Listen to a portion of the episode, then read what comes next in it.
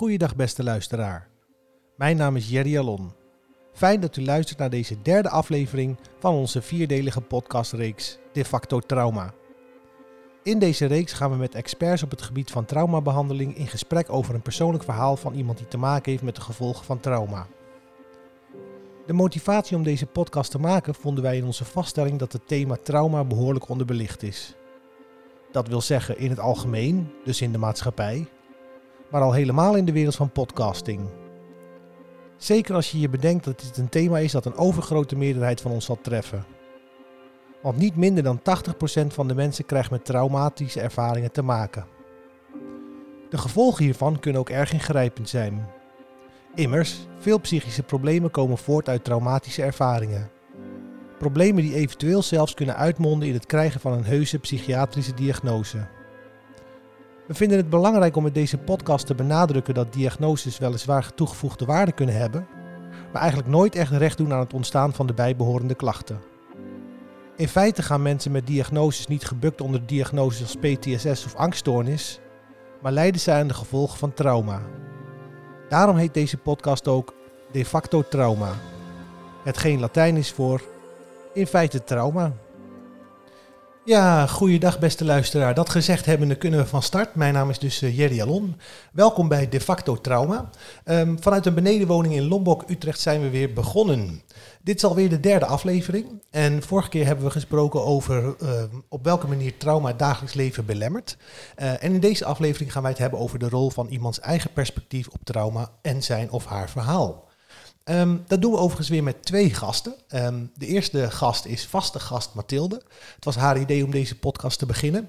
Um, Mathilde bestaat dus echt, maar we hebben haar naam wel gefingeerd. Mathilde heeft vanaf haar vroegste jeugd te maken gehad met fysieke en psychologische trauma's. En aan de hand van haar ervaringen gaan we ook in deze opname in gesprek met een nieuwe gasten, namelijk Anne Marsman. Anne, jij bent uh, een van de meest veelzijdige collega's die ik ken uit onze wereld van de geestelijke gezondheidszorg. Je bent werkzaam geweest als ouderenpsycholoog, doet op dit moment promotieonderzoek naar de gevolgen van trauma, maar bent ook bekend geworden als hoofdredacteur van het zeer goed bezochte platform psychosenet.nl. Overigens een platform dat jaarlijks zo'n 2 miljoen bezoekers trekt en inmiddels ook een Vlaamse en internationale editie heeft. Uh, welkom Anne, heb ik je zo goed aangekondigd of kun je nog wat aanvullende dingen over jezelf vertellen? Nee, uh, mooie aanvulling. Um, ik denk wat, uh, wat er nog wel bij hoort, um, is dat ik vooral zelf ook gewoon ervaring heb uh, met psychische aandoeningen en ook in mijn omgeving. Helder. Goed, ook vandaag is weer aangeschoven Mathilde. Hallo Mathilde, fijn dat je er weer bent. Yes, zijn we weer. Hallo. in de eerste aflevering heb je al verteld dat je achter in de 30 bent, een volhardende en lievende man hebt en dat je in het dagelijks leven een leidinggevende functie hebt. Um, Mathilde, in in eerdere afleveringen heb je ons ook verteld dat je in jouw jeugd de no nodige traumatische ervaringen hebt opgedaan die tot op de dag van vandaag een grote invloed heb, hebben op jouw leven. Um, dat heb je onder andere gedaan aan de hand van dagboekpassages. In de eerste aflevering heb je uh, een, ja, een, ja, een, stukje proza geschreven. In de tweede aflevering hebben we naar een stukje poëzie van jou geluisterd. Um, en dat, hebben dat doen we omdat de luisteraars zo'n klein beetje kunnen meevoelen met hoe dat voor jou geweest is. Ook deze aflevering gaan we beginnen met te luisteren naar iets wat jij hebt geschreven ter illustratie van het thema van deze aflevering. Uh, Mathilde, we gaan er naar luisteren. Ik ga hem starten. Uh, hier komt hij. Something takes a part of me. Something lost and never seen. Every time I start to believe, something's raped and taken from me. Life's gotta always be messing with me. Can't it chill and let me be free? Can't I take away all this pain? I try to every night, all in vain. Feeling like a freak on a leash. Feeling like I have no release. How many times have I felt diseased? Nothing in my life is free. Sometimes I cannot take this place. Sometimes it's my life I can't taste. Sometimes I cannot feel my face. You'll never see me fall from grace. Ja, dat was uh, natuurlijk een stukje uit het nummer Freak on a Leash van Korn. Een uh, nummer uit onze jeugd, zullen we maar zeggen. Ja. Uh, waarom heb je voor deze passage gekozen en waarom voor dit nummer? Um, nou ja, als uh, puber draaide ik dit nummer gewoon heel vaak. En ik had echt het idee van, ja, deze mensen begrijpen mij. Dus ehm, dat was gewoon eh, ja, heel fijn. Iemand die het dan herkende en die eigenlijk heel goed mijn gevoelens weergaf in, in tekst. En ook eh, de muziek die er normaal onder staat. Ja. Ja, die konden we helaas niet uh, eronder zetten, want dan krijgen we met uh, Buma op ons dak, zullen we maar zeggen. Ja. hadden we al vastgesteld. Ehm, en, en welk, specifiek element, welk specifiek element uit de tekst is voor jou het meest herkenbaar en waarom? Ja, er zitten, zitten meerdere dingen in. Vooral, ehm, nou ja, eigenlijk, ik heb deze zinnen gekozen omdat er zoveel in staat. Life's gotta always be messing with me. Uh, let me be free. Uh, alle pijn die erin zit. Um, uh, iedere keer dat je inderdaad weer hoop hebt of gelooft en het wordt weer neergeslagen. Mm -hmm. maar vooral denk ik, feeling like I have no release. Mm -hmm. um, en dat is eigenlijk nog steeds wel heel relevant. Ja. Dat het ehm, ja, niks, nothing is free. Het, is, het is worstelen. Mm -hmm. het, is, het is door worstelen, door het leven, zeg maar. En, um, uh, maar ook het feit uh, dat je iedere dag opstaat en weer dat, dat panzer aantrekt. En voor de buitenwereld, ik functioneer, alles wegdrukken. nou ja, ja, dat gevoel. Nee, is dat die, die laatste zin? I will, I will never fall from grace? Ja, dat ja. je dat niet bij me gaat zien. Ja. al dat verrotten wat van binnen zit, dat gaat niemand zien. Ik functioneer gewoon. Ja, ja precies. Um, want we hebben het vandaag over uh, wat, is je, wat de invloed is van je eigen perspectief op je traumatische ervaring en op je verhaal in bredere zin. Um, als je dit nummer neemt, op welke manier heeft het uh, de, jouw perspectief op jouw eigen verhaal beïnvloed? Is, heeft het zeg maar het, iets wat je eigen gedachten versterkt? Want je zei van het mensen, ik, ik kreeg het idee dat ze mij in, dit nummer begrepen. Uh, maar werd je daarin bevestigd door wat je dacht? Of heeft het ook geholpen om misschien te nuanceren of misschien uh, andere dingen anders te gaan bekijken doordat je naar dit nummer luisterde? Nou, ik denk niet dat het op dat moment heel erg positief heeft bijgedragen, dat nummer. Want inderdaad, hij begreep het en hij zat ook in zo'n enorme klerenzooi, zeg maar. En de hele wereld is verrot. Dat, de muziek was natuurlijk ook niet heel uh, zonnig. Um, dus het was ook een soort heerlijk om te ja, bijna zwelgen of zo. Of je verliezen in, in al die ellende. -huh. En um, nou ja, ik heb eigenlijk kort geleden pas opgezocht. Wat, wat is zijn achtergrond van die Jonathan van Korn? -huh. uh, en hij heeft te maken gehad met, met seksueel misbruik. -huh. um, ja, en nu, nu heel veel verderop was het eigenlijk... was ik ook wel blij dat, dat die muziek er was of zo. Het heeft me wel... Uh, en nog steeds heel erg, nou ja, uh, geholpen op een bepaalde manier. Maar ja, op het moment dat ik daar erin zat, was het, was het alleen maar zwart. En, ja. uh, en hielp dit in, in, het zwart houden van ja. de boel. En heeft het misschien ook op een bepaalde manier zeg maar, bijgedragen aan het feit dat je, dat je kon bedenken van hé, hey, ik ben dus niet de enige die struggelt. Ook al hebben, zijn jullie ervaringen niet één op één over elkaar te leggen, maar dat je in ieder geval voelde van ik ben niet alleen in mijn struggle. Ja, ja. dat was zeker zo. Uh, inderdaad, iemand die het dus begrijpt. En uh, er zijn inderdaad meer mensen die, die dus worstelen. Of ja, uh, ja ik, ik, hoor wel ergens bij of zo. Ja, ja, want in dat opzicht kun je wel zeggen natuurlijk dat, dat het dus dat je perspectief ook wel verrijkt heeft. In dat opzicht dat je dus niet eenzaam bent in je struggle. Dat, uh, dat is de reden waarom ik het uh, vroeg. Um, uh, Anne, ik wil even naar jou, want Janneke Verberda vertelde in de vorige aflevering al dat het heel erg uitmaakt hoe je kijkt naar je eigen verhaal en ook vooral hoe andere mensen ernaar kijken. niet alleen je eigen verhaal, maar ook naar je traumatische ervaringen natuurlijk. Um, waarom is dat zo belangrijk, hoe je zelf kijkt naar je verhaal en hoe anderen daarnaar kijken? Dat, uh, dat is een uh, hele mooie vraag uh, en een hele brede vraag. Um, ik, ik ben het met Janneke eens, het, het maakt heel veel uit. Um, en ik denk als je even luid terugluistert naar dat, dat nummer wat ze net voorlas... een perspectief wat hier bijvoorbeeld in kan zitten is... Um, het leven is lijden. -huh er overkomt mij altijd iets. -huh. uh, ik, ik, ben, ik, ik ben niet anders waard dan ellende. Um, dat soort dingen kunnen erin zitten. En mensen kunnen gaan geloven door wat ze meemaken dat dat inderdaad zo is. -huh. dat, dat er niks goeds voor ze is weggelegd. Um, dat ze het verdiend hebben. Uh, thema's als, als schuld en schaamte bijvoorbeeld komen heel veel voor bij mensen die traumatische ervaring hebben meegemaakt. En uh, het is de bril waardoor je kijkt. Yeah. En als jouw bril um, nou, heel, heel duister is uh -huh. um, en heel veroordelend naar jezelf, dan, dan maakt dat heel veel uit voor, voor hoe je dus um, nou, ook begrijpt wat er met jou gebeurd is. Ja. En misschien ook wel uitstraalt naar anderen ja. um, hoe, hoe er over jou gedacht kan of mag worden. Ja. En met in de in, in kort bij de intro zei je al even van je bent ook ervaringsdeskundige op het terrein van psychische uh, struggles, laten we het zo maar even zeggen. Mhm. Uh, heeft je, uh, is jouw eigen perspectief in de loop der jaren veranderd op wat je, op wat je struggle was? Ja, absoluut. En ik denk, um, ik denk wat sowieso een interessant gegeven is, is dat het perspectief van, van dat wat er in jouw leven gebeurd is, zowel positief als negatief, in feite je hele leven door nog kan veranderen. Mhm. En dat het ook per levensfase in feite nog, nog kan veranderen. Um, en, en je ook, um, ik werk toevallig veel met ouderen, die nu weer anders kijken naar wat hun als jong mensen is overkomen, bijvoorbeeld. En uh, voor mezelf weet ik. Uh, ik ben iemand die graag leert en studeert en begrijpt en heb een hoop boeken gelezen. En voor mij is, is begrijpen belangrijk. Ja. En maakt begrijpen ook, uh, begrijpen waarom ik dingen heb gedaan of, of nog doe, uh, maakt wel dat het mijn perspectief ook heeft veranderd. Mooi, mooi gezegd. Um, ja, ik, want de reden dat ik het vraag is omdat ja, eigenlijk in deze podcast hebben ook al min of meer uh, tussen de regels en expliciet vastgesteld dat je feitelijk een product, een, product bent van je ervaring en dus niet een exotische afwijking hebt, bij wijze van spreken. Het is een beetje het, het, de tegenstelling van jij hebt dit of jij bent dit versus dit is het gevolg van wat je is overkomen.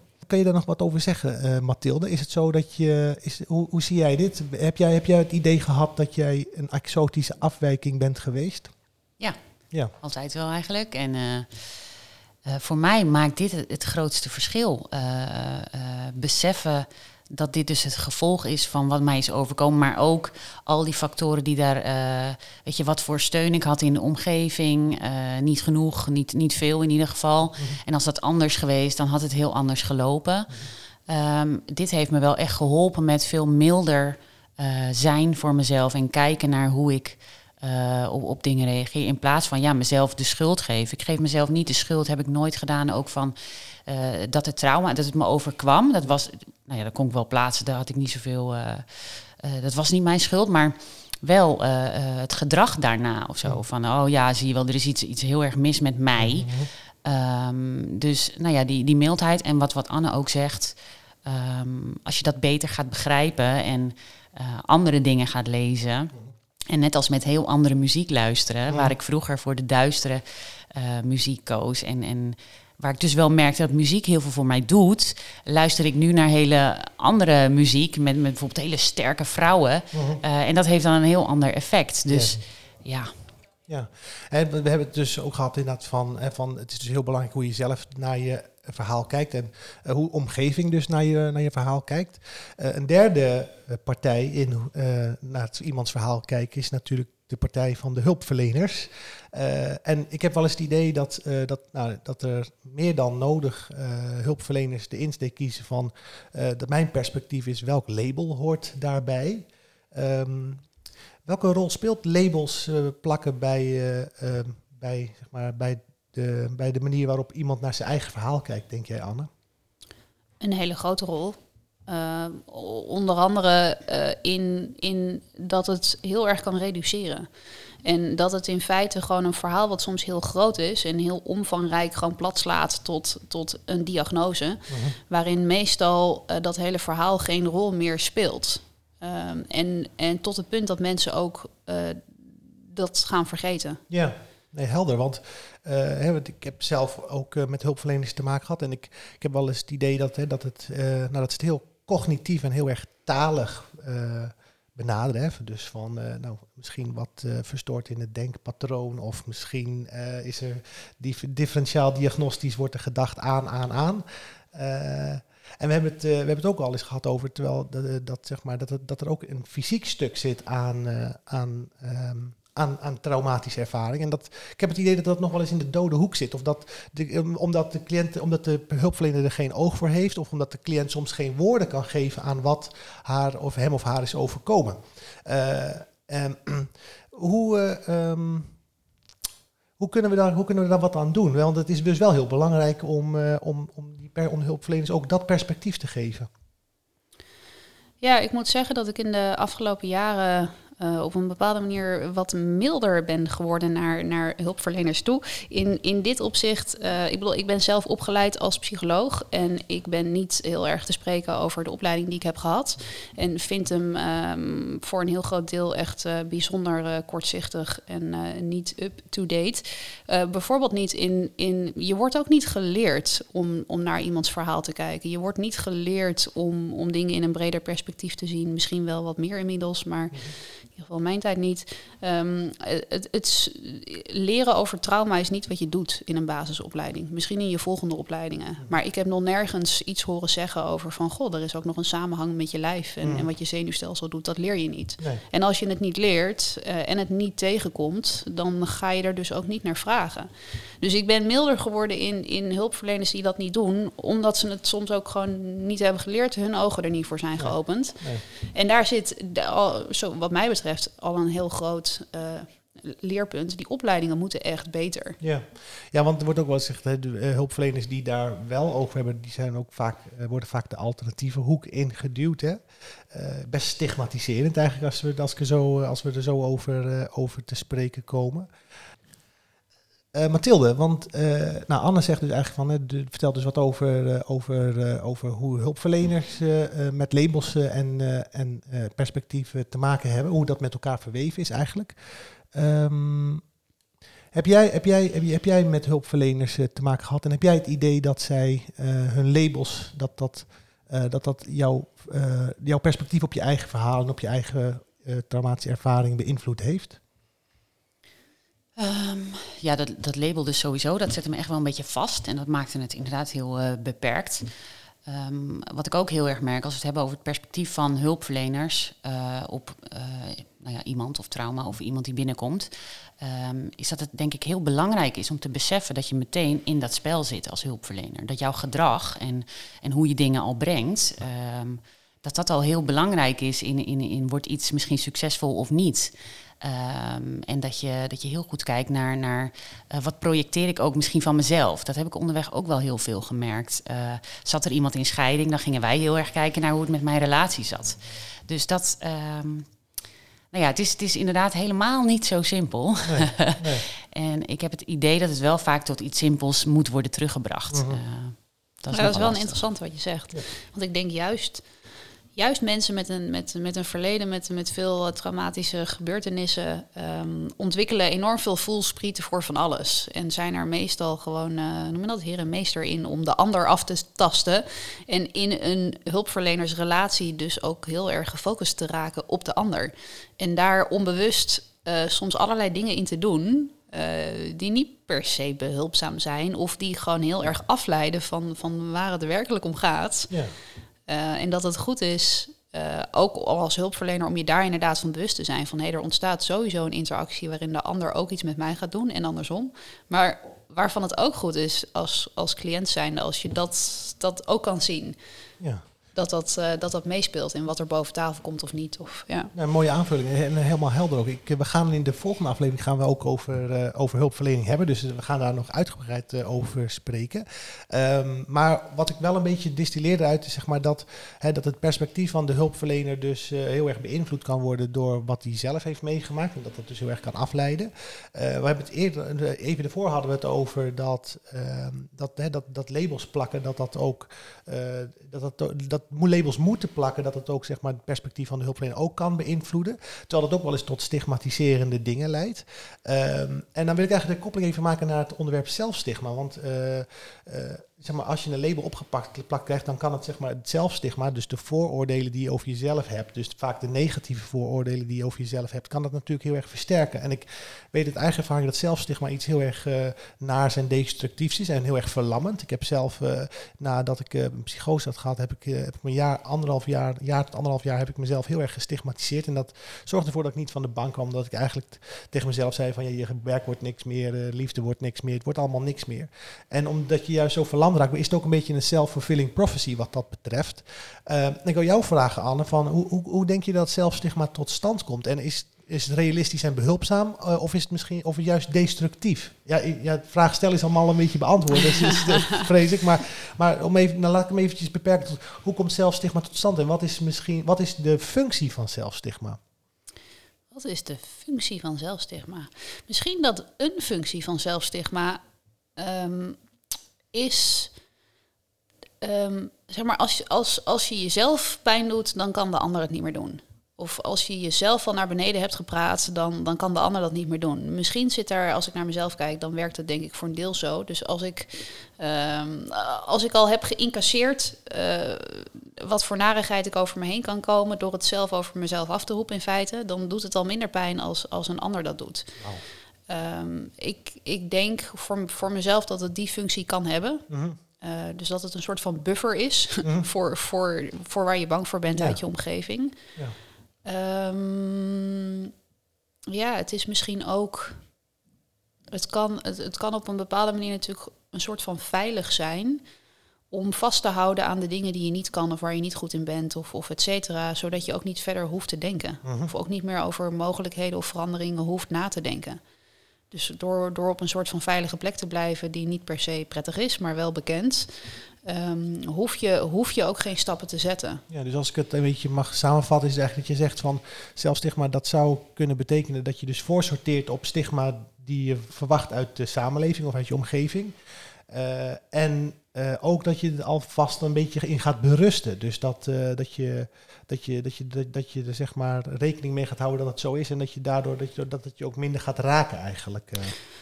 Ja, ik denk, ik denk dat het die functie wel kan hebben. Mhm. En dat er, dat er, er zit een soort passiviteit in, in zelfstigma. En wat je zegt, inderdaad, een soort van berusting in, nou ja, ja. Meestal niet hele positieve dingen. Nee, nee, nee, precies. Nee, dat, Ja. dat klopt inderdaad. Want eh, ja, was ik, aan ik zei dus, het leven wordt helemaal niks meer. Nou, dat is dus, dat is dus eh, als dat een self-fulfilling prophecy wordt en je bent 27, zoals ik destijds was, dan is dat gewoon echt wel heel, heel, erg, eh, heel erg dramatisch en heel erg negatief, wat mij betreft. Ehm, tegenover, eh, of misschien naast, moet ik eigenlijk zeggen, naast zelfstigma bestaat er ook zoiets als zelfhulp en zelfheling. Ja, je, je hebt ook bepaalde kopingsmechanismen hoe je met trauma eh, omgaat. Ehm, heb jij, eh Mathilde, als ik jou mag vragen, heb jij zeg maar eh, in jouw proces ervaren dat je jezelf hebt geholpen met bepaalde dingen? Of dat je jezelf hebt geheeld met bepaalde dingen? Of dat je op een bepaalde manier omging met, met, met je traumatische ervaringen die zeg maar op een positieve manier voor jou werkten? Ja, ik denk als ik begin, vooral het lezen. Ik heb ook, ik wil dingen begrijpen en ja, dan, dan helpt me dat. Dan kan ik er wat mee of zo. Ehm, en nou ja, eerst was het dus, oké, dit is wat het is, dit is wie ik ben. En eh, nou ja, jammer voor me. Ja, ook een beetje zelfstigma. Ellende, ja. Ja. Ehm, en toen heb ik bijvoorbeeld eh, ehm, De Tijger Ontwaakt van Pieter Levine gelezen. En Traumasporen van Bess van der Kolk. En als ik dan zie van, hé, hey, eh, het gaat over vastgezette energie die, niet, die je niet los hebt kunnen laten. En je richt je leven gewoon nog steeds in alsof dat trauma nog, nog relevant is. Dus het, het gaat heel erg over niet zozeer de traumatische ervaringen zelf, maar hoe je ermee om bent gegaan en wat voor rol je omgeving dus speelde. Ehm, dat maakte wel dat ik, dat ik steeds meer begon te zien van... hé, hey, ik kan hier dus wel iets mee. Ja. Ehm, dus nou ja, dat. Eh, ik merkte in therapie vaak dat het, dat het stokte op het, op het punt van ehm, dat fysieke stuk... of dat, dat energiestuk, zeg maar. Dat zenuwstelsel. Mhm. Eh, dan bleven we praten over gedachten. En eh, nou ja, daar kwam ik dan niet mee verder. Mhm. Ehm, dus dan ben ik gewoon gaan zoeken. Ik bedoel, er is van alles in de wereld... eh, en allerlei mensen die zich hiermee bezighouden. Mhm. Eh, en dan had ik bijvoorbeeld op YouTube is een vrouw die doet eh, therapy in a nutshell. Mhm. En zo simpel als Ja. het klinkt is het dan. Zij, doet, zij heeft bepaalde manieren om jezelf te kalmeren. Ja. Dat is heel simpel, maar Ja. ik wist nooit dat als ik, als ik gaap, dan kun je niet anders dan je lijf ontspannen.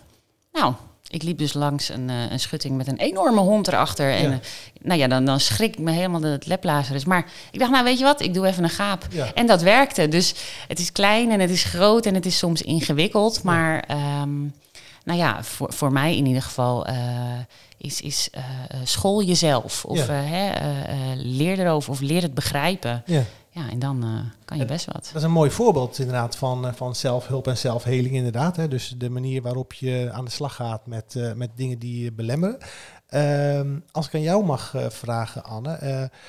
in hoeverre beïnvloedt je eigen perspectief en, je, en op je verhaal de manier waarop je met je ervaringen omgaat? Het is misschien een beetje ingewikkeld geformuleerd, maar wat ik ermee, wat ik eigenlijk boven water wil halen, is zeg maar, kun je zeg maar, als je bijvoorbeeld, als je bijvoorbeeld wat milder naar jezelf kijkt, uh, welke invloed heeft dat dan? Heeft het dan ook invloed op de manier waarop je met je ervaringen omgaat en waarop je met de beperkingen of met de belemmeringen omgaat die daarmee gepaard gaan? Ja, ik denk per definitie. Um, sowieso, als, als je iets van mildheid voor jezelf kan opbrengen, dan ben je denk ik altijd veel meer in staat dan, dan wanneer dat niet zo is. Of ben je tot veel, veel, ja, wat zou ik zeggen, gezondere of efficiëntere uh, kopingsmechanismen in staat dan, dan wanneer je um, gewoon geen mildheid voor jezelf hebt of geen begrip hebt voor jezelf. Mhm. uh, wat bijvoorbeeld eruit kan bestaan Um, ik bedoel, stel dat je inmiddels het perspectief hebt van oké, het was niet mijn schuld.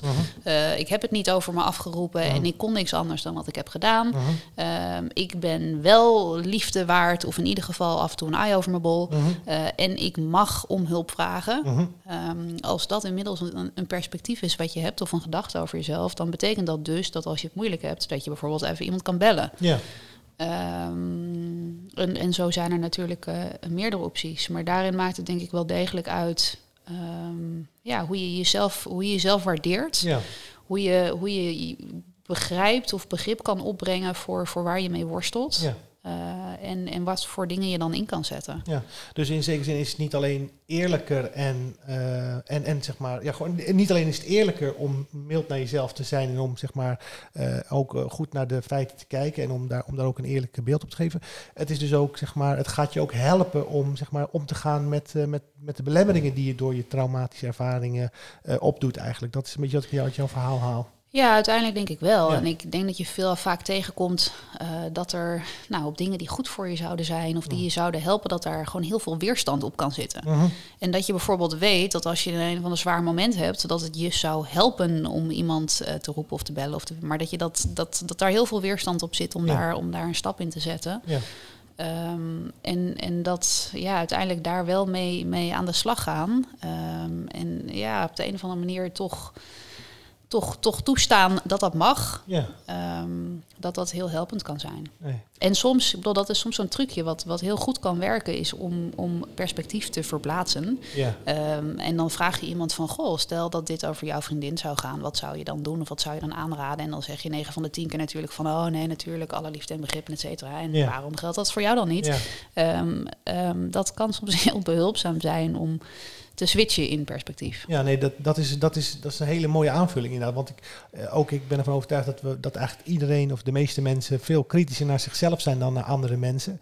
En dat is ook, een, is ook, is ook oneerlijk natuurlijk en ook onevenwichtig naar de situatie kijken. Dus dat is een mooie, mooie, uh, mooie aanvulling, uh, Anne. Um, ja, nou, we hebben dus gehad over perspectief op traumatische ervaringen, op je verhaal. Dat is dus belangrijk, zeker omdat het je dus kan helpen om met deze ervaringen op te gaan.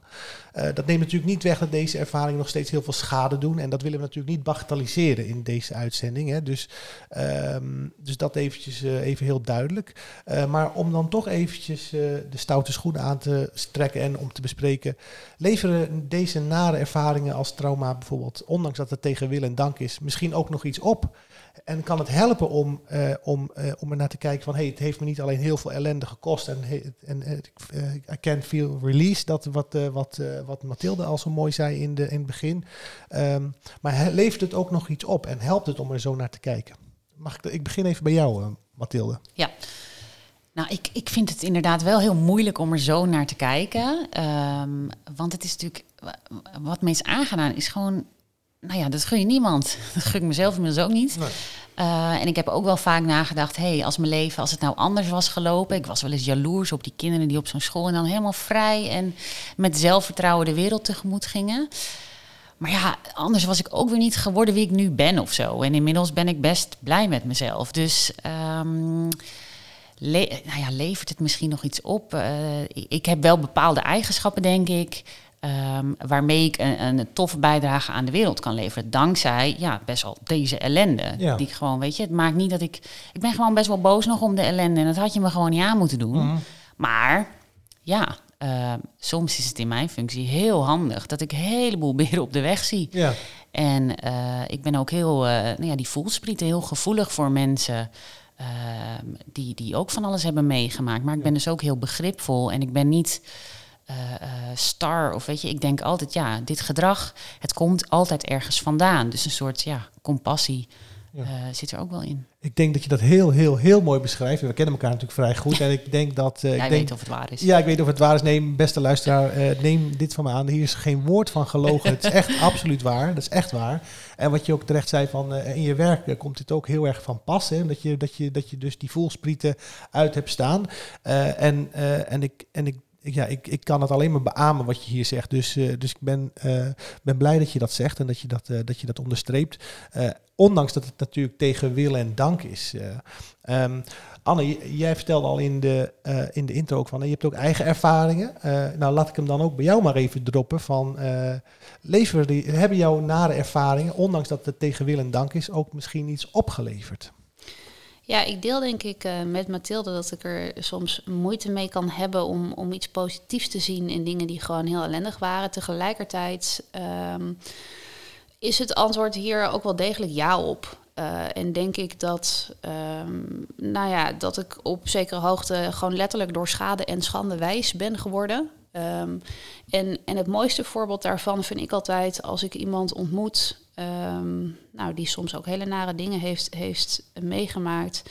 En waar je naast kan staan, ehm, ja, op een, op een laag die, die, die je alleen maar kan hebben als je, als je snapt wat de ander bedoelt. En Ja. als je snapt hoe, hoe die pijn er, eruit kan zien. Ik bedoel, het is altijd anders, maar als ik, als ik iemand zo kan raken en zo naast iemand kan staan, dan zijn dat de momenten. ehm, nou, ik wil niet zeggen dat ik er dankbaar voor ben, maar waarin ik wel voel dat het waarde heeft. Ehm, nou ja, dat ik, dat ik door dingen heen gekomen ben. eh, en dat ik iemand anders daarin kan laten voelen dat ze niet alleen zijn. En andersom net zo goed. Ja. Als iemand anders dat voor mij doet, ehm, dan is dat soms het meest waardevolle wat er is. En, Ja. en dat zijn wel degelijk dingen die, ehm, ja, die, die, die je daar, daaraan overhoudt en, en die waardevol zijn. Ja, nee, dat, eh, dat, dat, dat, ook dat onderstreep ik helemaal. En ik denk, als ik, nog, als ik zelf nog iets aan mag toevoegen, en dat geldt voor jullie allebei, denk ik.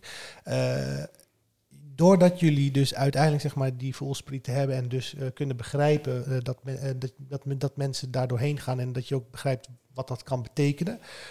Ik denk dat jullie ook allebei met jullie ervaringen ook een soort veiligheid creëren voor andere mensen om uit te kunnen komen voor wat hen is overkomen. En juist veiligheid is denk ik nou wat heel veel mensen die traumatische ervaringen hebben meegemaakt, juist zo ontzettend belangrijk is om te ervaren van hey, eh, dit is ongelooflijk kwetsbaar in mezelf, maar bij deze persoon eh, is het veilig genoeg om over dat meest onveilige wat ik heb meegemaakt, om daarover te praten. En ik denk dat dat zeg maar ook een hele, hele heel erg belangrijk is, omdat het, ik denk dat het zelfs een soort, ja, soort tegengif is tegen wat, eh, wat, wat men heeft meegemaakt, om het maar zo te zeggen. Dus ja, ik kijk naar de, kijk naar de tijd, naar het klokje en we zijn, ja, als elke week lopen we weer gruwelijk uit.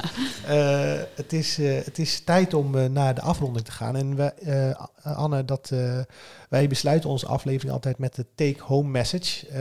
Wat, wat, om, wat vond je van, deze, van ons gesprek en wat haal je eruit en wat je mee naar huis neemt? Oh, gesprekken als deze roepen altijd gewoon zoveel extra vragen en ideeën en gedachten over. En die kan nog veel langer duren.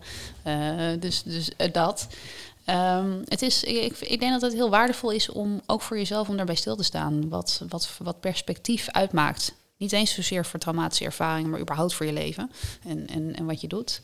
Ehm, en dat, dat ehm, de wetenschap dat je perspectief uitmaakt voor hoe je dingen beleeft en hoe je ermee omgaat. invloed kan hebben en dat je er dus ook aan kan werken om dat te veranderen. Ja, eh, dat, dat dat belangrijk is. Dus eigenlijk wat je zegt van het is... eh, Wees opportunistisch en kijk eerlijk en evenwichtig naar je eigen verhaal. Want het is niet alleen eerlijk, het levert ook nog wat op eigenlijk inderdaad. eh. Ja, Ja. probeer eens af en toe een andere hoek uit. Wie Ja. weet waar je uitkomt. Precies, precies, mooi. Mathilde, dan eh, ga ik ook nog even naar jou. Wat, eh, wat neem jij mee uit ons gesprek van vandaag? Eh, hoe belangrijk het is volgens mij om, ehm, om dingen te begrijpen, om jezelf eh, te onderwijzen of je te laten onderwijzen. Dat je, eh, ehm, ja, dat je als je beter begrijpt eh, wat, er, wat er is gebeurd en hoe dit allemaal tot stand is gekomen, dat je er dan ook iets, iets mee kan. En dat je dan milder naar in ieder geval jezelf kan kijken. En dat dat heel erg al helpt. Mhm. Wat er dan ook uitkomt. Ja, nee, helder. helder. En ik denk ook dat jouw bijdrage van vandaag, eh Mathilde, heel erg begon bij die pijn die je voelde als kind. Hè? Dat die je, zeg maar, eh, waar die je herkende in het nummer van, eh, van, het, van Korn, Mhm. waar je dus een stukje uit voor. En wat ik heel erg mooi vind, dat is mijn take-home message eigenlijk voor vandaag, is dus dat je dus vaak begint bij de ellende en bij het, eh, bij, bij het, eh, bij het snappen hoe dat voelt eigenlijk. En dat je dan gaandeweg eigenlijk door, eh, door zeg maar, op onderzoek uit te gaan, door zelfhulp, door zelfheling, door, misschien ook door, door de hulpverlener die dan af en toe Mhm. natuurlijk vaak ook nog wel een, goede rol speelt daarin. dat je eigenlijk zeg maar echt verder komt daarin. En dat je dus uiteindelijk zo wat op wat we aan waar we mee geëindigd zijn in deze uitzending, misschien, ook al is het tegen wil en dank, zelfs nog iets kunt eh, vinden wat het heeft opgeleverd. En dat, eh, dat is voor mij dan de take-home message. Ehm, ja, ja, we moeten echt af gaan ronden, want anders dan, eh, anders dan is de band op, zullen we maar zeggen. Nee, dat is niet zo, want we hebben natuurlijk oneindig Begint de buurman weer met timmeren. dat, is, dat is een ding dat zeker is. De buurman is bezig met verbouwen dat, eh, en die gaat straks weer beginnen. Dus eh, ik wil alle luisteraars heel erg bedanken voor het luisteren naar deze derde aflevering van De facto Trauma. Volgende week is alweer de allerlaatste aflevering. Althans, voor nu dan even. We weten niet hoe het verder gaat, maar dat hangt ook een beetje af van hoeveel sterren jullie ons geven natuurlijk op de platforms. Eh, ja, beste luisteraars, en daarmee zijn we alweer aan het einde gekomen van de derde aflevering van deze aflevering van eh, De facto Trauma. Eh, een hele mooie, leuke uitzending. Volgende week is alweer de allerlaatste uitzending, in ieder geval voor, voor, wat betreft deze eerste serie. En die aflevering gaat over hulpverlening bij traumatische ervaringen. Ook dan hebben we weer een hele boeiende gast. En dat is David van den Berg. Ehm, hopelijk eh, nemen jullie volgende week weer de moeite om te gaan luisteren. En eh, ik wil jullie voor nu alvast heel erg bedanken voor het, eh, ja, voor het luisteren van deze podcast. Heel erg bedankt en tot ziens.